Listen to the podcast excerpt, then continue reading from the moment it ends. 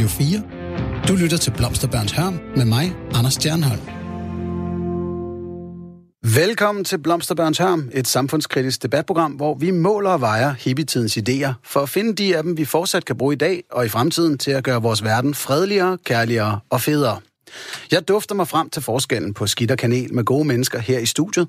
Folk, der var der dengang. There, og nogle borgerlige modpoler til at balancere sagerne. Så vi i fællesskab kan finde ud af, om hørmen fra hippietiden er en smuk parfume eller en dampende pølle. I dag skal vi hverken tale om fri hash, gruppesex eller psykedeliske stoffer, men om økonomisk vækstkritik. Og før du skifter væk, så, så vid, at det ikke handler synderligt om tal og beregninger, det her. Det handler om den basale forståelse omkring, hvordan det menneskelige samfund skal interagere med resten af planeten, for at sige det langhåret, eller om, hvor ambitiøst vi kan lægge budgettet, for at bruge business-termer. For at forstå, hvordan den økonomiske vækstkritik kom ind i billedet, skal vi se på udviklingen i Vesten efter 2. verdenskrig. Her oplevede Danmark, ligesom resten af Vesteuropa og USA, en fantastisk vækst. Levestandarden steg mærkbart for alle, og det gav køleskabe og andre maskiner i køkkenerne, men også sprøjtegifte på markerne. Og med den voksede kritikken af forbruget frem. I 60'erne begyndte vi altså at forstå, at menneskehedens iver efter at forsøge tilværelsen havde konsekvenser for naturen og i 70'erne kom den mere generelle vækstkritik. Her blev det ikke blot et spørgsmål om et bestemt kemikalie eller en døende dyreart. Her var det selve vores ideologiske og økonomiske dogmer, der blev angrebet. Bogen Grænser for vækst fra 1972 foreslog en decideret kulturrevolution væk fra forbrugssamfundet. Det budskab om grænser for vækst tog hippierne selvfølgelig til sig. Mådehold og lavere forbrug var mantraer, der blev sendt rundt i miljøet sammen med hashpiber og gonoré. Men det var ikke noget, jeg hørte om.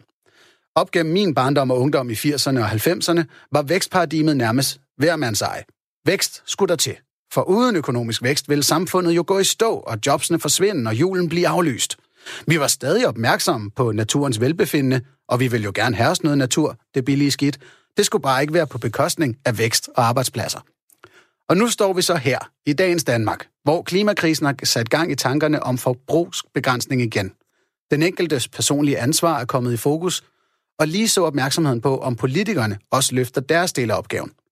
Derfor var glæden stor, da det i sidste uge lykkedes at lande en aftale om en ny bindende klimalov. Men faktum er, at vores socialdemokratiske statsminister holder fast i velfærd og arbejdspladser over klima. Selve vækstparadigmet består. Dagens debat handler altså om noget, der ligger under de konkrete politiske diskussioner. En central filosofisk tvist – nemlig om hvorvidt økonomisk vækst overhovedet er nødvendig, og om den kan fortsætte, eller om vi er nødt til at tage et opgør med den her nærmest urokkelige religiøse grundtanke. Mit navn er Anders Stjernholm, og jeg er jeres vært. Som teenager var jeg medlem af konservativ ungdom og drømte om kæmpe villa, swimmingpool og luksus ud af begge ærmer. For 6-7 år siden tog jeg et personligt opgør med den tankegang, og i dag mener jeg, at vi trænger til et ideologisk opgør med vækstbegrebet. Andre vil måske snart sige, at jeg fuldstændig har misforstået, hvordan økonomi fungerer, og er faldet for noget naivt vrøvl om karma og træers aura. Så jeg skal ikke bare drøfte det her med mig selv.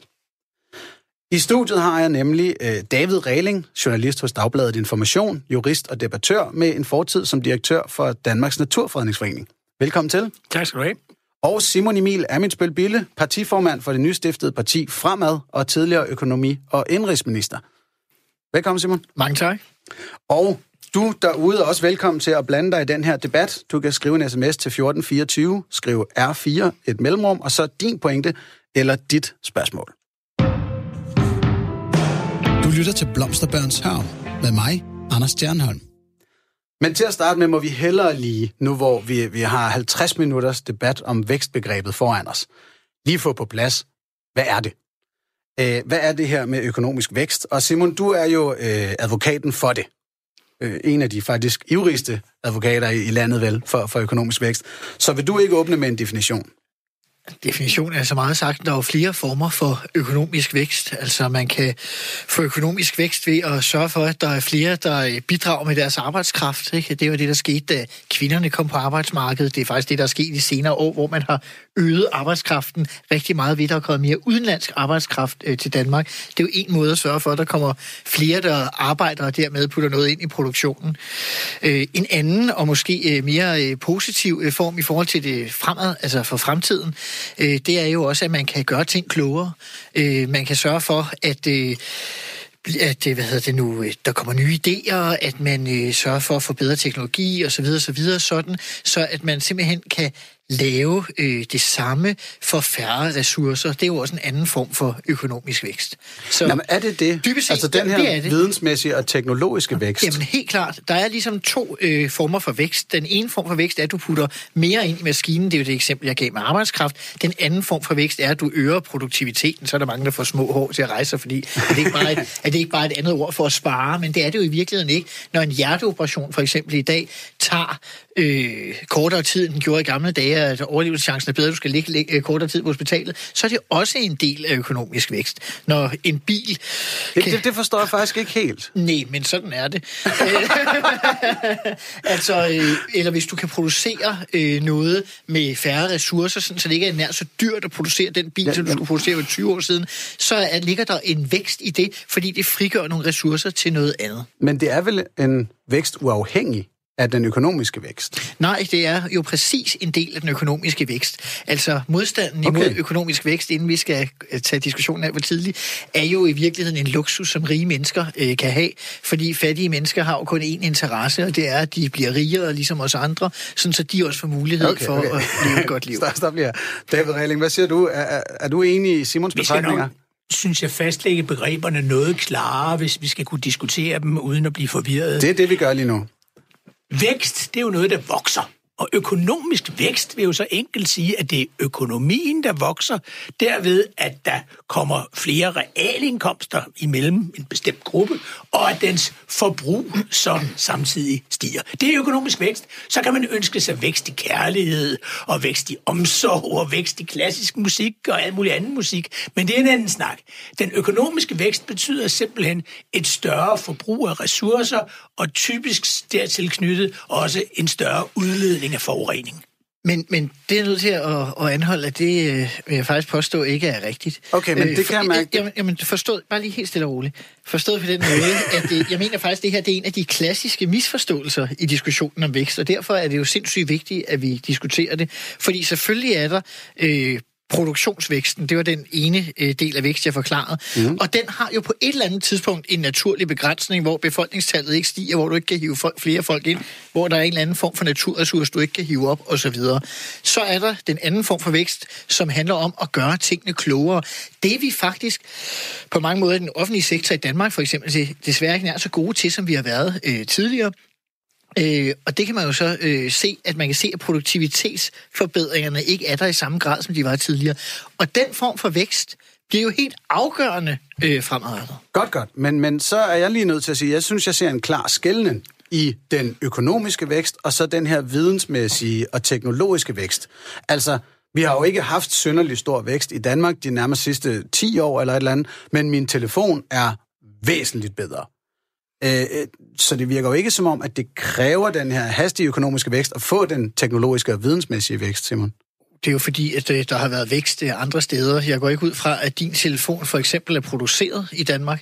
Øh, jeg går ud fra, at den er produceret i et af de lande, som har haft øh, høje vækstrater efter alt sandsynlighed. Den, den er designet i et land uden... Den er designet i et land, hvor man har lavet effektivitetsvækst og produceret i et land, men, hvor men, der Simon, har været det der med, øget vækst i forhold til... Effektivitetsvæksten, er den afhængig af en økonomisk vækst? Jamen, den er en økonomisk vækst. Du kan ikke bare med trylleord okay, påstå, okay. at der ikke er tale om en økonomisk men, vækst, for det er der. Fint, det er jo netop det, det her skal handle om, ja. fordi så har vi måske en begrebsafklaring der. Øh, David, for vil, vil du have noget imod den her vidensmæssige øh, vækst, hvis den ikke indeholder en større at økonomisk vi, vækst? At vi bliver klogere, skal der hilses velkommen. Det er der ikke nogen, der får det dårligere af. Men lad os lige dvæle et øjeblik ved mobiltelefonerne. Der er det jo sådan, så det elektroniske udstyr bliver skiftet ud hyppigere og hyppigere, fordi at det kan mere og mere. Det her sted kommer jo selvfølgelig en øh, lidt øh, vanskelig forurening med stoffer, som øh, er indeholdt i elektronikken, plus, som Simon Emil der medgiver, at et eller andet sted skal det jo produceres, og størstedelen af det, vi bruger, bliver jo produceret et eller andet sted i øh, Fjernøsten, og der er det jo med til en miljøbelastning, som de har svært ved at tumle. Godt, øh, jeg må lige to ting. Øh, punkt et, vi skal være meget øh, påpasselige med mikrofonerne. De opfanger ikke alting på den her måde. Hold da. Øh, ja, så vi skal være lidt, lidt mere stillestående. Det er også et issue for mig. Øh, og, og punkt to, altså hvis vi lige stadigvæk bliver ved den, den teoretiske begrebsafklaring.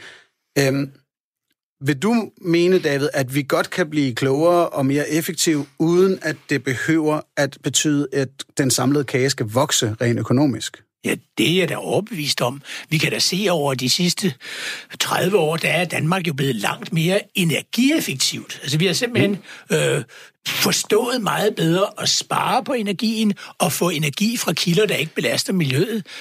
Om så synes jeg, det er lidt begrebsforvirring at kalde det økonomisk vækst, fordi man kan tværtimod sige, at det er det modsatte.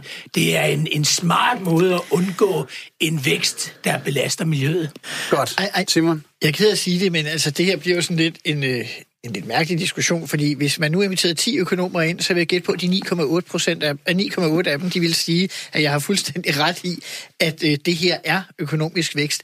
Så er det fordi, at jeres fag er i gang med at tage æren for noget. Nej, nej, nej, nej, nej, undskyld. Det er jo netop, fordi kritikerne har misforstået, hvad økonomisk vækst er. Øh, det er jeg nødt til at holde fast man kan, Man kan nok have jo. forskellige opfattelser, jo, men uden det, man misforstår noget. Jo, men det er jo bare ret vigtigt at sige, at øh, når man øh, argumenterer for eksempel imod at sige, at det er også forfærdeligt, at der er økonomisk vækst, og så prøver at lade som om, at økonomisk vækst ikke også, og i stor grad i fremtiden måske, øh, endnu større grad, primært kommer til at bestå i, at man gør ting klogere, så bliver det jo en skæv diskussion. Godt. Fordi hvis diskussionen handler om, øh, skal vi lade være med, øh, kan man øh, bruge nogle ressourcer, som ikke findes, øh, så er svaret jo meget enkelt, at det kan man ikke, og det er alle enige om, og så er den diskussion ligesom overstået. Så hvis jeg sætter det lidt hårdt op, Simon, vil du være okay med, at hele verdens BNP sten 0% om året fra nu af, hvis vi til gengæld blev klogere og mere effektive? Fordi sandheden er, at det stiger, når man effektiviserer, og når man øh, opfinder. Det gør det. Altså, det er sådan, det er skruet sammen, ja. så det kan man ikke bare definere sig ud af. Nej, altså du må, det må da være fuldt ud muligt. Og må jeg henvise til, at jeg også dengang jeg var økonomi- og indrigsminister øh, udgav... Ah, det er altså et meget godt kort, du kan spille ja, der. tre gange om året øh, sådan nogle økonomiske redegørelser, og i dem så fremgik det, øh, når man kunne se, hvordan væksten var, at noget var af den ene form, og noget var af den anden form, så enhver kan gå ind og læse, at jeg har ret i det, jeg siger. Ja, det kan jo ikke nytte noget, vi ævler problemstillingen ihjel. At, der er lige kommet her fra det europæiske miljøagentur en status for år okay, 2020, det, det, det, det synes jeg lidt er et at vi har den måde, det er gået på indtil nu der er vi simpelthen kommet til et punkt, hvor det ikke går længere. Og det skyldes forbruget af råstoffer, og det skyldes belastningen af miljøet herunder udslippet af CO2. Og så kan det ikke men, nytte men, noget, Simon Emil sidder og synger sange fra de varme lande om øh, kvalitet og bla bla bla. Nej, nej, det er altså lidt et emneskift, det der regling, fordi vi, vi er stadig i gang med den her begrebsafgrænsning, det er Jamen, den, der gerne vil have på plads. Fordi... bliver øh, større og større, jo mere Simon Emil Vi bliver mere klar over, tror jeg, vores forskel. Ja, jeg, jeg tror, at begrebsforvirringen bliver størst, fordi at øh, folk øh, er sure over, hvordan de økonomiske begreber er, og så prøver at lave dem op. Altså, det, jeg vil jo formode, at vi har det alle sammen fint med den her vidensmæssige og teknologiske vækst. Øh, man kan også bare kalde det fremskridt i mine øjne. Og hvorvidt den så hænger sammen med den økonomiske... Øh, ja, kan vi leve med at være uenige om det for vidt, eller om den er nødvendigvis skal gøre det? Øh, og så er jeg jo ked af den appel til autoritet, Simon han har ved at kunne kalde sig økonomi- og indrigsminister øh, meritus. Jeg ved ikke, om det hedder. det er sgu sjovere end at være øh, stedfortrædende skatteordfører for Alternativet i et par måneder. Det kan jeg da godt mærke. Men, men kan, vi, kan vi lægge os på den her med, at, at vi ønsker jo egentlig den vidensmæssige vækst. Øh, det her med, at den samlede kage behøver at vokse økonomisk, det er, er lidt det vækstbegreb, som jeg føler er, er der kritikken ligger øh, fra den gang. Har jeg ret i det, David? Jamen, det handler jo først og sidst om forbrug, og et forbrug, der involverer stadig flere råstoffer, og i den anden ende indebærer stadig mere forurening. Hvis det er det, vi taler om, så er det ikke vejen frem. Hvordan har du det med det, som David definerer der, Simon? Jamen, jeg tror bare, det er vigtigt at sige, at øh, skal vi producere tingene klogere, skal vi sørge for at regne de øh, miljø- og klimamæssige eksternaliteter med, altså de negative konsekvenser, det har for miljø og klima, selvfølgelig skal vi det. Det er der ingen, der er uenige om. Det, øh, der er det interessante, det er, at du er nødt til at have et samfund, hvor der er øh, konkurrence øh, mellem virksomheder, hvor at virksomheder kan skabe de her øh, forbedringer, som er en, øh, som er en del af, af den økonomiske vækst, nemlig at man kan sørge for, at noget der tidligere blev produceret med flere ressourcer eller for flere penge, i fremtiden kan produceres med færre ressourcer, øh, med for færre penge eller med øh, fa- øh, lavere udledning, for eksempel hvis der er tale om en bil i forhold til, til klimaudledning. Og, og Fordi afgørende... det, der, det er helt afgørende, det er, tror jeg, det er, at i stedet for at gå efter, at folk ikke må forbruge, så skal vi gå efter, at folk skal forbruge noget, som er klogere, øh, sådan så at man får øh, den store del af verden med. Fordi det eneste, asiaterne, du talte om før, tænker på, det er, hvordan de kan komme op i den globale middelklasse, ligesom os andre. Det var kun dig, der nævnte dem. Det var, ja. det var... men, men, men okay, så, så nu forstår jeg så Du meget... sagde, at øh, der var noget, der blev produceret i Asien. Nej, det var dig. Nej, jeg sagde, at det blev produceret andre steder i verden. Jeg, jeg nævnte, den var designet i USA. Nå, never mind. Uh, vi er ved at være der, hvor vi så, ligesom spørgsmålet, som vi kommer frem til, uh, hen til senere hen, det er det her med, om den her forbrugsmæssige vækst er nødvendig for at få den vidensmæssige og teknologiske vækst. Det kan jeg mærke, det, det må være et spørgsmål, vi slår ned på. Men før vi skal hygge os med det, og jeg håber, vi stadig har vores lyttere med derude, uh, der skal vi lige kigge på, på historien omkring vækstkritikken. Du lytter til Blomsterbørns Hørm med mig, Anders Stjernholm. David Regling, du, du var der dengang i, Ja. i, i 70'erne og 60'erne, da der begyndte at komme den her kritik Ja. øh, ind. Hvad, hvad fik dig øh, hugget op på den? Det var nu ikke noget med hippierne. Det, der først og fremmest gjorde øh, indtryk dengang, det var øh, velafbalancerede videnskabsfolks advarsler Husk om, mikrofonen. at, industriområde, at industrisamfundet sled meget, meget hårdt på sine ressourcer. Den øh, amerikanske naturvidenskabskvinde Rachel Carson udgav i 1962 bogen øh, Det tavse forår, der handlede om, hvorledes sprøjtegiftene tog livet af fugleungerne, og at der derfor ville komme et tavst forår, når fuglen ikke sang længere. Og det gjorde et stort indtryk. Øh, det var med til globalt at få naturvidenskabsfolk til at kigge nærmere på, jamen hvad er egentlig industrisamfundets virkninger på miljøet? Så skete det hverken værre eller bedre i midten af 60'erne, end at en stor amerikansk flod op ved de store søer i det amerikanske midtvesten brød i brand fordi den var så fyldt med kemikalsk forurening, så der kun skulle en gnist til, så brændte floden. Også det gjorde et stort indtryk. Det førte så til, øh, at den amerikanske præsident, Richard Nixon, som ved Gud ikke var noget blomsterbarn, oprettede en amerikansk miljøstyrelse som en af verdens første omkring 1970, og den danske socialdemokrat Jens Otto Krav, som ved Gud heller ikke var noget blomsterbarn, fulgte efter i 1971 med at oprette den danske miljøstyrelse. Han havde muligvis libido som et blomsterbarn. Øh, ja, lidt måske. Men altså, det var folk, der frem for alt, Richard Nixon og Jens Otto Krav, var øh, folk, der ville have til at lykkes. Og de så, jamen hov, industrisamfundet rummer jo en indre modsigelse, fordi det skader sig selv. Det skader samfundet ved sin forurening. Det blev selvfølgelig taget op også af dele af hippiebevægelsen, langt fra dem alle, gående på, at vi skulle leve mere enkelt, end vi gjorde, og hvad skulle vi så også med al øh, de dimser og de plastikdutter, som ja. industrisamfundet øh, påtvang os. Og det, det spørgsmål, du lige bringer der, er en central lidt for, for programmet her. Det var, at der var hippier, der mente, at politik og omverden var skide ligegyldig. Man skulle lede per eksempel, og så var der andre, der mere marxistisk eller lignende, gerne vil ind i det politiske men det system. sjove ved marxister, øh, hvis de fandtes blandt hippier, det er jo, at det er nogle af dem, der har haft sværest ved overhovedet at forholde sig til miljøproblemer. Der var ikke noget mere miljøskadeligt samfund i denne verden end Sovjetunionen, og der var heller ikke noget mere miljøskadeligt end øh, Maos Kina, fordi de opfattede forurening som et kapitalistproblem, som derfor ikke kunne forekomme i det lykkelige kommunistiske samfund.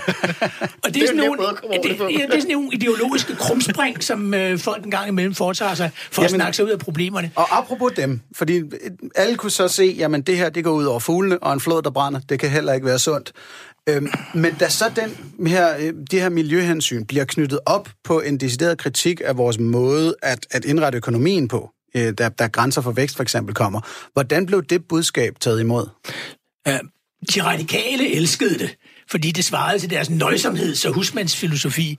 Socialdemokraterne havde det mere blandet med det, fordi det øh, ikke helt rimede med deres forestilling om, at øh, de dårligt stillede i samfundet skulle højnes, og Socialdemokratiet gjorde sig ingen illusion om, at det kunne ske på bekostning af de rige. Og altså måtte man presse bunden op, samtidig med at toppen fik lov til også at hoppe lidt op. Og det førte til en deling i Socialdemokratiet. Ikke til en fløjdannelse, men der var forskellige holdninger.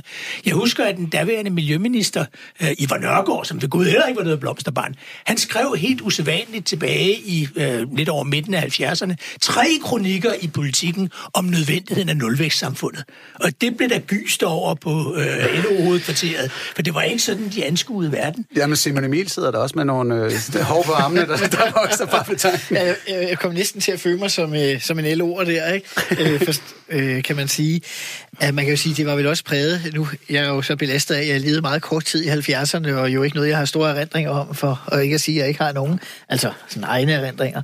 Men man kan sige, at øh, det var jo også øh, påvirket nogle gange af en tid. Altså det bliver politikere jo også. Hvis man går ind og ser på, hvad siger politikere fra forskellige partier i bestemte årtier, så kommer det til at minde mere om årtierne nogle gange, end det kommer til at minde om de øh, politiske forskelle. Og så man kan sige... Men det der er noget, der hedder tidsånden. Ja, ikke præcis, sandt? præcis. Og, og det, den tidsånd skal besindige politikere jo nok vogte sig for at lade sig rive med af. Fordi de problemer, som samfundet står med af betydning, det er jo ikke nogen, der sådan skifter fra år til år. Fuldstændig Så, og derfor skal vi passe på, at tidsånden ikke blæser os som kul. Jeg håber, du står fast i støvlerne, meget, Simon Emil. meget enig, og det er derfor, at jeg øh, betragter også lidt, at det, det er meget naturligt, at en minister, der ligesom bliver påvirket af tidsånden i 70'erne og skriver om nulvækst, fordi det var ligesom øh, op i tiden. Øh, men senere så indså Socialdemokratiet jo fuldstændig rigtigt, som du også siger, David, at det kan man ikke. Øh, så, så derfor, altså, at de indså, at det kunne man ikke, hvis man gerne ville løfte de dårligt stillede i samfundet op. Øh, og derfor så, øh, så havde de nogle andre nuancer på det. Lad os, lad os lige se lidt på, på den historiske udvikling.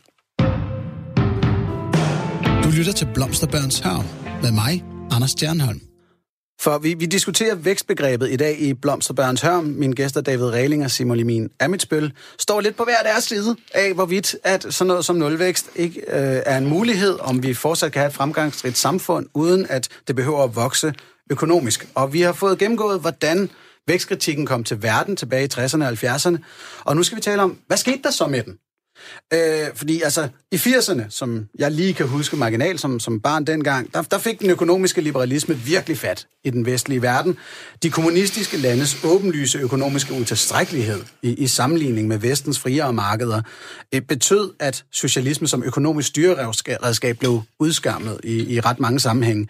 Øh, er det en korrekt udlægning af den debat, der udviklede sig dengang, David? Der skete navnlig det, at miljøbevidstheden var bygget op omkring skadevirkningerne af den kraftige økonomiske vækst i 60'erne og i begyndelsen af 70'erne. Så kom den første oliekrise i 1973 og ramte økonomisk hårdt. Så kom den anden oliekrise i 1978-79 og ramte hårdt. Det vil sige, at den lovgivning, man havde bygget op, var beregnet på at tøjle et samfund i galop fremad, og pludselig stod krikken stille. Og det gav selvfølgelig politikere og administratorer et problem. Og det var så årsagen til, at du ikke, i, da du øh, studievært øh, var barn og ung, hørte ret meget om de bagvedliggende miljøproblemer, fordi de var trådt i skyggen af det, som blev det akutte problem øh, i 1970'erne og begyndelsen af 80'erne, nemlig at få beskæftigelsen banket op igen og få hjulene til at snurre. Mm.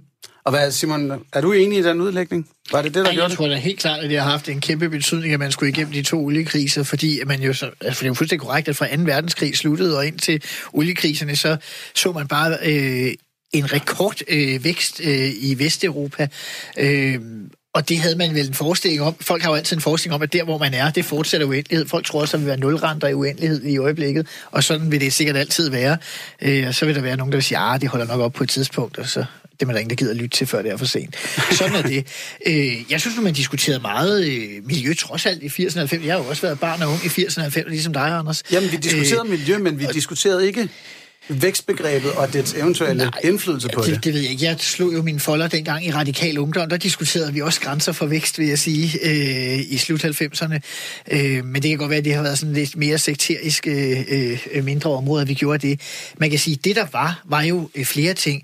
Det var jo også, at, øh, at Reagan for eksempel jo øh, slap, kan man sige... Øh, øh, økonomien øh, fri på en anden måde, jo blandt andet måske også for at vise forskellen på det økonomiske system i, i Sovjetblokken og i den vestlige blok, og dermed vise øh, meget klart, at hvis man øh, begyndte at, at slippe de økonomiske kræfter fri i kapitalistisk samfund, så ville øh, øh, Sovjetblokken jo bare øh, stå tilbage. Ja, det var en pointe, han gik meget op i. Jamen virkede jo også. En af bivirkningerne var jo den, som han fuldt var opmærksom på, at han samtidig på en lang række områder satte miljøbeskyttelsen i USA ud af kraft, og det førte jo til et antal skandaler, som var meget ubehagelige for Reagan og hans regering. Tilsvarende gjorde Margaret Thatcher jo sit bedste for at forhindre EU i at gennemføre vidtrækkende miljølovgivning. Jeg kan belyse det med en personlig oplevelse. Da jeg blev direktør for Danmarks Naturfredningsforening tilbage i 1984, kunne jeg i agtage, at der stadigvæk i befolkningen var en meget stor interesse for natur- og miljøspørgsmål, mens politikerne stadigvæk var præget af sen 70'erne og de tidlige 80'ers entydige vækst øh, optagethed. Altså, de var entydigt optaget af at skabe vækst, og i befolkningen var der stadigvæk en bekymring over, hov, hvad er prisen for det her? Og det førte så øh, i, i en udvikling, ikke bare i Danmark, men over hele øh, den vestlige verden, og også i virkeligheden bag jerntæppet, til en ny miljøkritik, der blev ret dybtgående i 1980'erne, og som øh, på den anden side af jerntæppet var med til at vælte regimerne, der var fuldstændig håbløse. I øh, Østeuropa, der var det sådan, så politisk opposition kunne man ikke deltage i. Men miljømæssig kritik var styret nødt til at affinde sig med, for den foregik på universiteterne og i videnskabelige tidsskrifter og sådan noget. Så en stor del af miljøbevægelserne, som jeg samarbejdede med dengang, var altså ikke at finde i hippielejre, slet ikke, mm-hmm. men derimod på universitetsinstitutter. Alright. Altså det, der så stadigvæk øh, øh, undrer mig lidt, det, det var det her med, at, at Ja, jeg var også godt klar over, at vi skulle gøre noget ved miljøet, men der var ingen, der bare antydede, at en løsning kunne være, at jeg skrev en, en mere ydmyg julegaveønskeseddel eller lignende. Det her med, at, at vores forbrugsfest havde en rolle at spille, øhm, det, det var heller ikke en, en stor del af jeres arbejde i Dansk Naturfredningsforening, eller hvad, David, at prøve at gå ind og sige til folk, hey, måske skal vi øh, lige slippe speederen en gang. Jo, jeg ser det her ikke som et personligt samvittighedsspørgsmål. Ja, det, ja, Jamen, så vil lade det være politisk eller lignende, men bare det, at... Det er meget vigtigt, det her. Alt det der med flyskam og skam over hakkebøf, og jeg ved ikke hvad. Pjat og papir, det er et samfundsanlæggende, og hvis der er en bestemt adfærd, som er uønsket ud fra et samfundssynspunkt, så er det op til de ansvarlige politikere at bruge de styringsmidler, der er. Godt, så lad mig spørge anderledes. Prikkede I til politikerne med hensyn til væksttanken? Ja, selvfølgelig gjorde vi det. Ikke fordi vi ville diskutere vækst abstrakt, Danmarks Naturfredningsforening er ikke sat i verden for abstrakte diskussioner, men for konkrete forbedringer for natur og miljø. Så vi tog de enkelte forureningsområder op og sagde, her er et problem, her er et problem, og her er et problem, og her er tre løsninger til de problemer, og de løsninger var ikke noget, vi fandt på. Det var noget, naturvidenskabsfolk hjalp os med at finde frem til. Men jeg synes jo faktisk, at, øh, at her kommer vi ind til noget af kernen og noget af det spændende. Øh, fordi jeg er sådan set øh, fuldstændig enig med David, altså i forhold til det her med, øh, må du ikke spise det ene, må du ikke gøre det andet, må du ikke gøre det tredje. Lider du af burgerskam? Det Nej, overhovedet ikke. Jeg har lige siddet og spist tre burger i starten af udsendelsen, så, øh, hvis, der, eller lige en udsendelse. Som får min frokostsmoothie til at blegne, kan ja, jeg godt mærke. Og, og sådan er der jo konsekvenser af ens personlige valg. Men altså for eksempel det, du selv nævner mere om din juleønskeliste, det er fuldstændig ligegyldigt, hvad du ønsker til jul, for du bruger bare din folk bruger bare deres penge på noget andet, hvis de ikke bruger dem på julegaver. Så det er fuldstændig, øh, det grænser til det latterlige at påstå, øh, at din julegaveønsker skulle have noget Nej, betydning. altså fordi Tværtimod. min julegaveønskeliste har indflydelse på, hvor mange penge mine forældre er nødt til at tjene, hvilket har indflydelse på, hvor mange timer de er nødt til at lægge. Du skal ikke altså... færre penge, fordi så er du inde i at gøre samfundet fattigere, så får vi dårlige nej, nej, nej, ikke fattigere, Simon. Bare jo, hvis mere de tjener færre penge, så bliver det fattigere. Det er ligegyldigt, det var en biting. Men det er politikernes opgave at skabe rammerne. Ja, det er ikke de enkelte borgere, der skal gå rundt, der har ondt i maven. Det er meget vigtigt. Og det var det, jeg ville hen til at jeg er fuldstændig enig, man må jo se på, hvad er det for negative konsekvenser, der er ved forskellige øh, ting, produktion for eksempel, og så må man jo se på, at det er noget, der skal reguleres, så der bliver mindre af det, det er noget, der skal forbydes, fordi man ikke kan have det, og så fremdeles. Det er jo sådan, man er nødt til at løse øh, miljø- og klimaproblemer. Det skal man jo ikke gøre ved, at, øh, at øh, undskyld mig, men en eller anden elite i de større byer, de kan så øh, sørge for at ændre oh. 5% af forbruget øh, i supermarkedet, mens de 95% de køber det, de plejer. Man kan jo, man kan jo Simon kan man jo tale om en privatisering af ansvaret. Det er forkert. Uh, vi privatiserer jo ikke ansvaret for skatterne og siger til folk, ja, men det er jo da rart, hvis der kommer lidt penge ind, men find ud af med din samvittighed, om du vil sende dem eller ej. Ja. Hvis det er en samfundsopgave at kræve skatter op, så kræver vi dem op, og vi gennemsvinger så vidt gørligt, at folk betaler. Og tilsvarende med miljøadfærden, hvis den øh, ud fra et samfundshensyn skal være på en bestemt måde, så har vi for eksempel skatter og afgifter som en herlig måde at regulere, og tilskud for den sags skyld, en herlig måde at regulere folks adfærd på. Jeg vil nærmest sige, der taler om en forskydning af ansvaret, fordi hvis jeg har en fabrik, øh, som ødelægger en flod, så er det jo mit ansvar, at floden bliver ødelagt, og ikke dig, der ikke kender detaljerne i min fabrikation, der køber et produkt derfra.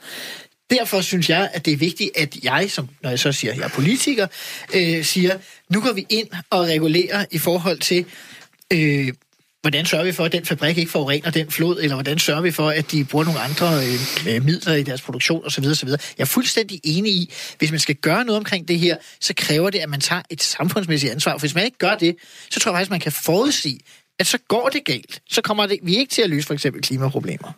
Jeg er helt enig, og jeg må så sige, det fører lidt til en aktuel samfundskritik. Jeg forstår ikke, at Danmarks statsminister Mette Frederiksen siger, at hun er rød, før hun er grøn.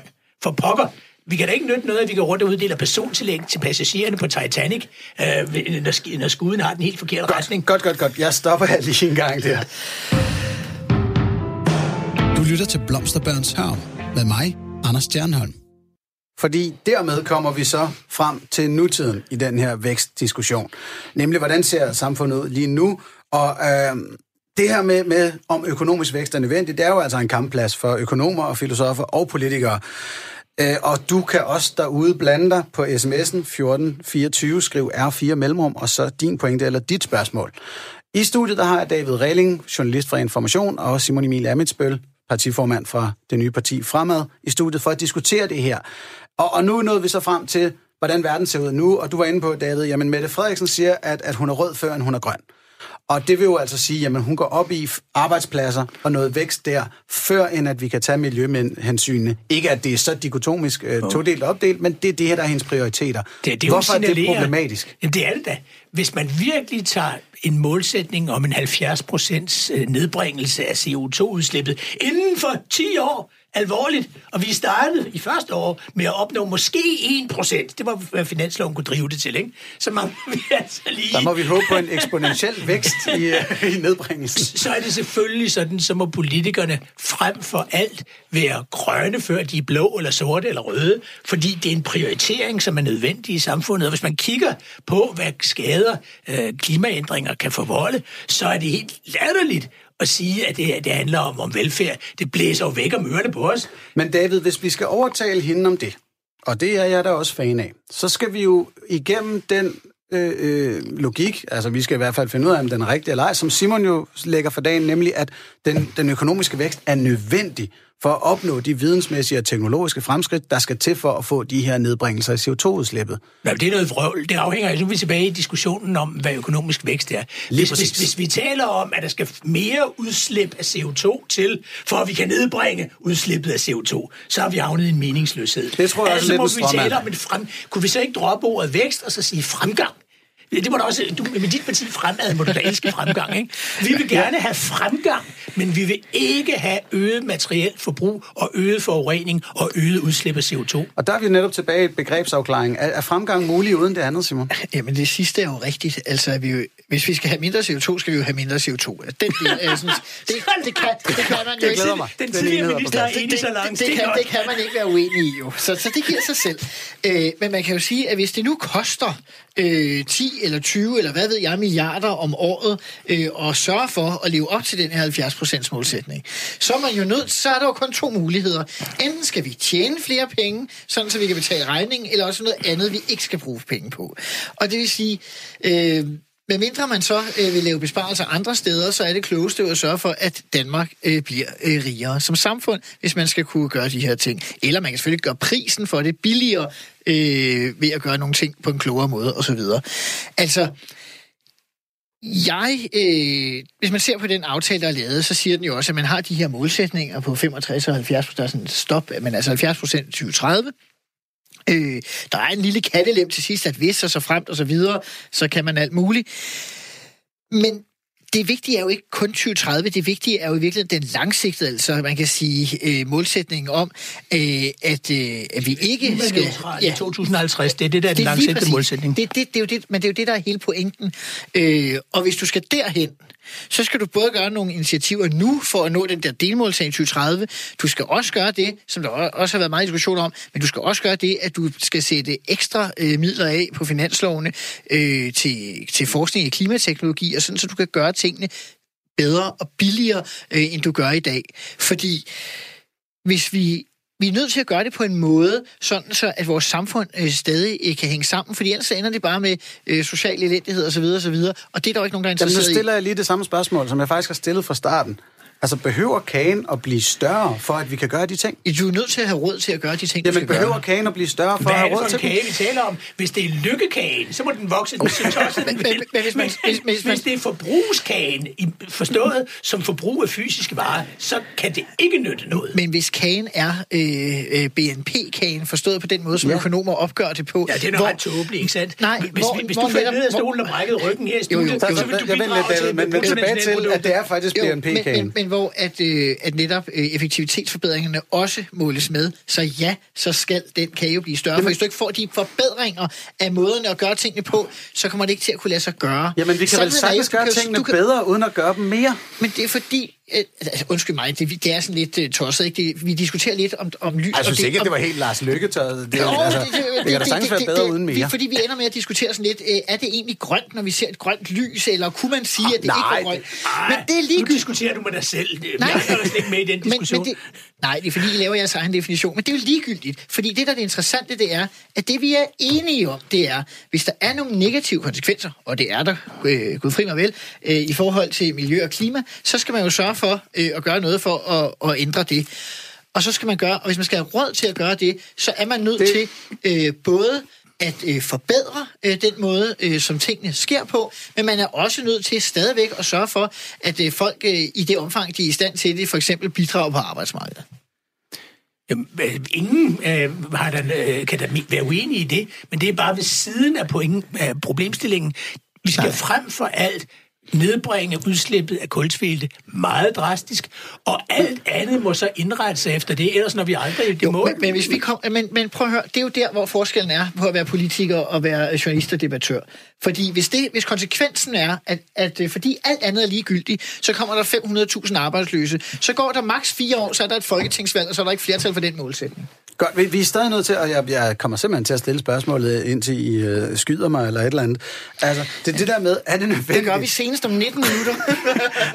er det virkelig nødvendigt, at kagen bliver større? Altså, David, måske kan du hjælpe mig. Er der eksempler på, at et samfund med, med et vækststop, altså i, i BNP, stadig har, har haft god udvikling vidensmæssigt og teknologisk. Nå, men vores land er der stadig her et godt eksempel, når vi kigger øh, ret isoleret på vores øh, forbrug af energi, at vi producerer øh, energi på måder, der ikke belaster, og vi er meget bedre til at spare, og det er der ingen af os, der er blevet ulykkelige af.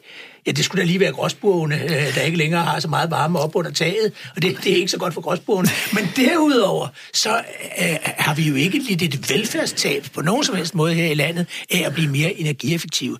Det er fint, men igen, det rimer med den overordnede målsætning, at der kommer et mindre udslip af kultvilt. Men det er der jo ingen som i ingen, der er uenige om. Øh, bare lige for at sige det Jamen, sådan. Så, så Jamen, det, der, det, der er spørgsmålet, det er... Nej, nej, lad mig lige prøve en gang her, fordi netop som David er inde på, jamen i Danmark, vi har ikke haft synderlig vækst i nogle år nu. Og men det er både rigtigt og forkert. Fordi, jamen, okay. jamen, fordi en af grundene til, at folk tror, at vi ikke øh, rigtig har haft vækst, det er jo fordi øh, Danmarks Statistik nu, tror jeg, ved tre lejligheder med nogle års forsinkelse har revurderet tallene. Og det vil sige, at hvis man havde set på det øh, i de sidste øh, 10 år, så er der jo ikke den vækst, der var fra 1800 til 2000, hvor der var over 2% vækst om året i de fleste vesteuropæiske lande, mm. men en pæn vækst øh, i nutidsøjne øh, omkring jeg er helt isoleret om øh, energiforbruget som et eksempel. Jamen, det, jamen, jeg svarede på Anders' spørgsmål. Ja, det var mig, der tog den ud til noget mere. Det, øh, jeg havde slet ikke i tankerne, at det ikke er lykkedes at få kontrol over øh, antallet af kørte bilkilometer med dertil hørende udslip. Det, det er slet ikke det, der er i min forestilling. Det, det er helt præcis i energianvendelsen og energiproduktionen, der har vi kunne opføre os fornuftigere, og ingen er blevet ulykkeligere derved. Men den her fornuftige opførsel, som er blevet bedre, har den krævet økonomisk vækst? Den har krævet de nødvendige, investe- den har krævet de øh, nødvendige investeringer. Ja, og hvis der ikke havde været økonomisk vækst, havde vi jo ikke haft pengene til de investeringer. Uden at der havde været andre øh, negative konsekvenser, enten på velfærdssamfundet, på skattetrykket, eller hvad ved jeg. Jamen, du kan ikke få det så nemt, Simon Emil. Det er lidt ligesom ja, det Mette er- Frederiksen vil have det. Vi skal have alle de her kæmpe, dejlige målsætninger, og det må ikke koste arbejdspladser, det må ikke koste vækst, det må ikke koste Aalborg Portland, det må ikke koste noget som helst. Vi når aldrig i mål, hvis det er på den måde, det bliver Men, gjort. men, men det er fordi, vi diskuterer lidt på hver, fra hver vores øh, vinkel, hvad man skal kalde det, fordi jeg ser det sådan, at vækst er forudsætningen for, at vi kan løse problemerne, og du tror, at vækst bare er noget, jeg vil have for at have det. Det er ikke noget, jeg vil have for at have det. Det er noget, jeg vil have for, at jeg har råd til at andet at løse de problemer, vi taler om her i dag. Jamen, det er jo en absurditet. Væksten Nej, altså, skaber tak for at gøre de- mit arbejde der, øh, Den traditionelle økonomiske vækst har skabt alle de store øh, miljøproblemer, vi befinder os i i dag. Og, siger så Simon Emil, derfor må vi have noget mere af den, så vi kan løse problemerne. Det hænger ikke sammen. Nej, det er fordi, du forudsætter, at øh, fremtidig økonomisk vækst skulle have de samme forureningsmæssige konsekvenser som fortidig økonomisk vækst, og det er jo forkert, fordi vi jo heldigvis, øh, blandt andet på grund af den økonomiske vækst og den konkurrence, der er i et kapitalistisk samfund, får mere og mere viden, bliver bedre og bedre til at gøre ting. Og det vil sige, at øh, vi kan blive ved med at blive rigere, samtidig med, at vi kan forurene mindre. Det er jo det, der er det fantastiske. Og det er så stadig det her med, er det nødvendigt for os at blive rigere, David? Hvis man anlægger et globalt perspektiv, så må man sige, at det ikke er i EU, øh, det store behov for at blive meget rigere er. Det er jo i hele den del af verden, der lever under langt ringere vilkår, end vi gør. Og her, her bliver det virkelig svært. Fordi vi skal altså på en eller anden måde skabe politisk forståelse for, at hvis der overhovedet opstår en eller anden form for vækstmulighed, så er det ikke os, der skal baske i den, hvis det indebærer øget belastning. Så er det øh, lande som øh, Kina og Indien, gået bedre det. Vi kan ikke tvinge dem på nogen som helst måde til at leve et materielt ringere liv, end det vi selv lever. Det er en kolossal global udfordring. Og der kan man tage det helt roligt, fordi hvis man ser på alle fremtidsudsigter, så kommer det til, øh, først øh, vil det være Asien, der vil tage hele væksten, og når der er gået nogle årtier, så vil det komme ned i Afrika. Altså, Og så kan du leve med i mellemtiden, at vi så ikke vækster? vi kommer jo til at vækste mindre, fordi alt andet lige er det sværere at vækste med høje procenttal, når man er meget rig, når man er meget fattig eller mellemindkomst. Sådan er livet jo. Hvad fordi... slet ikke? Mm, nej, det vil ikke være godt. Især øh, fordi der vil ske det på et tidspunkt. Så skal man huske, at vi diskuterer meget. Nu ved jeg godt, at vi diskuterer klima nu, men noget vi også diskuterer rigtig meget, det er jo indvandring i det her land. Man kan sige, at det gode ved, ved lavvækstsamfund, det er, at de diskuterer som regel ikke indvandring. De ender med at diskutere udvandring på et tidspunkt. Fordi der er ingen, der har lyst til at leve øh, i de lande, som ikke øh, vækster med. Altså man, kan, man, man skal prøve en gang med at beslutte sig for, hvis man i 1970 havde stoppet væksten i Danmark, eller i 1950 havde stoppet væksten i Danmark, hvad vil Danmark så være for et land i dag? Så ville det være Bulgarien. Men, men Øh, her taler du så også om produktivitet og, og den vidensmæssige vækst. jeg taler om begge dele, selvfølgelig. Jamen, det- og det de hænger jo sammen, for det du, for, nej, nej, fordi du kan ikke adskille det ene fra det andet. Sandheden er, hvis Danmark besluttede sig for at blive et nulvækstsamfund, så vil det blive sådan, at andre rige samfund vil blive mere attraktive i forhold til, hvad for nogle uddannelser de kunne tilbyde, hvad for noget sundhedsvæsen de kunne tilbyde, hvad for et liv mennesker kan leve. Det kan vi selvfølgelig ikke have. Vi er nødt til at se tingene i en sammenhæng. Og, og, og, og det er jo også sådan, at hvis vi pludselig bare siger, at det er helt ligegyldigt med arbejdsløsheden, det var den pointe, jeg prøvede at få frem før, og vi så sagde, at det koster en halv eller en hel million mennesker skal være arbejdsløse, det er der jo ingen, der forestiller sig, at man kunne leve med. Det, det er da et spøgelse, du selv opfinder. Nej, det er fordi, du sagde, at, at det skulle være vigtigere end alt andet. Derfor siger og derfor skal vi da også sørge for at tilrettelægge en beskæftigelsespolitik, der gør, at de uundgåelige øh, ledige, øh, der opstår uundgåeligt jobs, som ikke længere er attraktive eller skal udfyldes på af omstillingen, så skal der skabes nye jobs. Og der påviser alle undersøgelser jo, at der er faktisk mere beskæftigelse i CO2-rigtig adfærd, end der er i øh, det modsatte. Nu har Yes, Simon simpelthen fjernet brillerne. Ja, det plejer at være et tegn på fordi, grofuld fordi alvor. hvis det også skal være væk... Altså, jeg er sådan set enig i, at selvfølgelig... Man skal jo ikke tro, det er der jo mange mennesker, der tror, at hvis et eller andet job, det forsvinder, så er det helt forfærdeligt, og så er folk arbejdsløse og videre. Heldigvis kommer der jo hele tiden nye jobs. De kommer blandt andet, fordi vi lever i et vækstsamfund, hvor man udvikler måder at gøre øh, på, på en ny måde. Fordi vi skal jo ikke alene have, øget eller have en bred beskæftigelse. Det skal også være en beskæftigelse, der bidrager med værdi, sådan så at vi ikke bare bliver øh, flere, der arbejder øh, med et dårligere udkomme. Og det, jeg synes bare, det beviser pointen, og det, jeg synes egentlig, det er en meget fredelig pointe. Jeg synes ikke, man skal diskutere, om man skal være rød før grøn, eller grøn før blå, eller blå før rød, eller hvad fanden ved jeg. Det er jo ligegyldigt, det er jo, det er jo et mærkeligt udtryk. Det, der er det vigtige, det er jo sådan set, at vi sørger for at have et samfund, hvor vi løser de klima- og miljømæssige problemer, hvor vi sørger for, at vi stadigvæk øh, er rige og bliver rigere, sådan så folk de kan få opfyldt øh, de øh, behov, Godt. de har for et Den- godt den liv, pointe har du. og de Ja. kan få et arbejde. Godt. Du lytter til Blomsterbørns Hørm med mig, Anders Stjernholm. Hvor vi diskuterer vækstbegrebet, det økonomiske vækstbegreb, er det nødvendigt for, at vi fortsat kan have et, et samfund i udvikling? Og vi har diskuteret det her med, at internationalt set, der er der en masse lande, vi ikke kan hindre i at øh, gå efter den økonomiske vækst. Øh, vores lytter har også skrevet ind på sms'en og fokuseret meget på Indien og Kina og lignende. Og selvfølgelig skal de jo ikke snydes for fremskridt. De skal må, måske bare vises, hvordan det kan gøres øh, miljømæssigt forsvarligt. Simon, du var inde på, at man kan ikke tale om grøn før rød, eller rød før blå, eller whatever. Øhm, David, jeg formoder, du faktisk er uenig der. Bør vi være grønne, før vi er noget som helst andet? Men ellers giver det, ingen mening. Ellers giver det simpelthen ingen mening, øh, hvis ikke vi nu tager den opgave på os at få styr på de menneskeskabte påvirkninger af klodens klima, så kan man glemme alt om langsigtet velfærdstænkning og alt muligt andet, fordi så begynder det bogstaveligt talt at falde sammen og mørne på os. Jeg har haft personligt den oplevelse, at jeg syv år i træk har cyklet i Australien, og det blev sådan cirka en grad varmere for hvert år, vi cyklede. Og til sidst, for to år siden, der sagde vi, det går altså ikke mere det her. Og øh, nu kan jeg så se, at de områder, der står i flammer, det er jo, det er jo der, hvor vi øh, ville have cyklet, hvis vi var blevet med at cykle der. Og det hele det, øh, det australske samfund står i risiko for, på grund af klimaændringerne, ganske enkelt ikke at kunne fungere længere.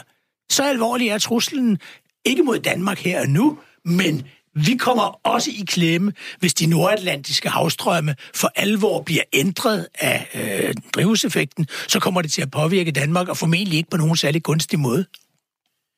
Men det er jo netop derfor, at vi skal, øh, kan man sige, holde hovedet koldt, øh, så at sige. Øh, fordi hvis at vi kaster os ud i en eller anden øh, raid, hvor vi så pludselig bliver fattigere... Øh, fordi, nu siger du det er her faktisk bliver fattigere. Man, man bliver fattigere, hvis ikke man bliver rigere, og det kan godt være, det lyder svært, men sådan er det. Øh, fordi det, er jo- det, altså jo, jo. sådan er det en Jo, for- ne- neo, jo. altså Nej, nej, fordi- konservativ paradigme, ikke?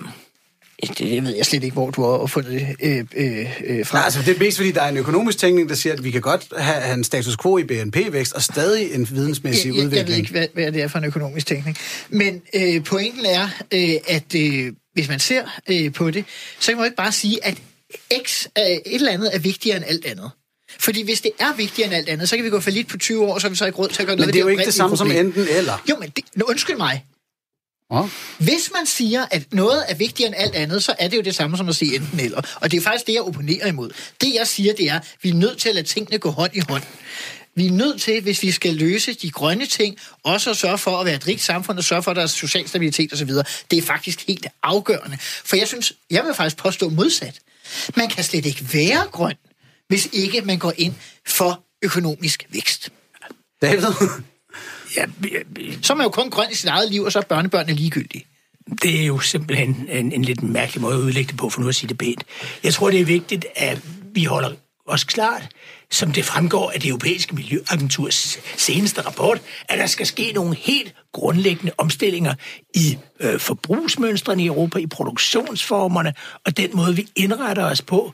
Ellers så øh, vil øh, Europa synke under sin egen miljøbelastning. Og det er altså EU's eget umådeligt respektable, øh, videnskabeligt drevne energiagentur, der siger, den går ikke længere. Og så kan det ikke nytte noget at sidde og slynge de der politiske letkøbtheder ud, som simpelthen Men, men balladen er med det der budskab, hvordan, hvilken chance har det for at blive hørt, hvis der er et, altså, som jeg hører hos dig, Simon, et axiom, et, et grundparadigme om, at væksten er nødvendig.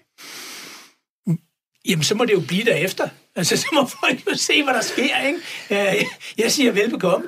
Jamen, jeg tror faktisk, det er, ikke er så svært, øh, som, øh, som du umiddelbart antyder til i spørgsmålet. Fordi jeg tror dybest set, at hvis vi skræller sådan... Øh, Blomsterbørns hørm, var det det udsendelsen hed, øh, Yes. væk, altså he, øh, øh, skræller sådan den, den 70'er-retorikken øh, væk øh, i forhold til det her, og prøver at se på, er der en vilje til at gøre noget for at bringe øh, miljøbelastningen ned? Ja, det er der. Er der en vilje for at gøre noget i forhold til øh, klima, øh, øh, hvad hedder, hvad hedder det, øh, klimaspørgsmål og dermed øh, CO2-udledning osv.? Ja, det er der. Vi har faktisk lige fået en lov i Danmark, eller ved at få en lov med 70% målsætning, hvor Liberale Alliance og øh, Nye Borgerlige er de eneste, der ikke støtter det. Øh, det er meget, meget bredt flertal i det danske folketing. Hvis man ser på det i forhold til, øh, til EU, er der en øh, større vilje. Jeg tror at man skal lave meget kraftigere regulering gennem EU, fordi at lille Danmark gør det, kommer ikke til at få den store betydning. Vi skal selvfølgelig være foregangsland, både teknologisk og så videre. Men det, der rigtig rykker, det, Jamen, er det... ved, at vi kaster os ind i EU. Og det, jeg bare det siger, vi alle vel Jo, men det, jeg bare siger, det er, jeg tror faktisk, der er en kæmpe lydhør lydhørhed for det politisk.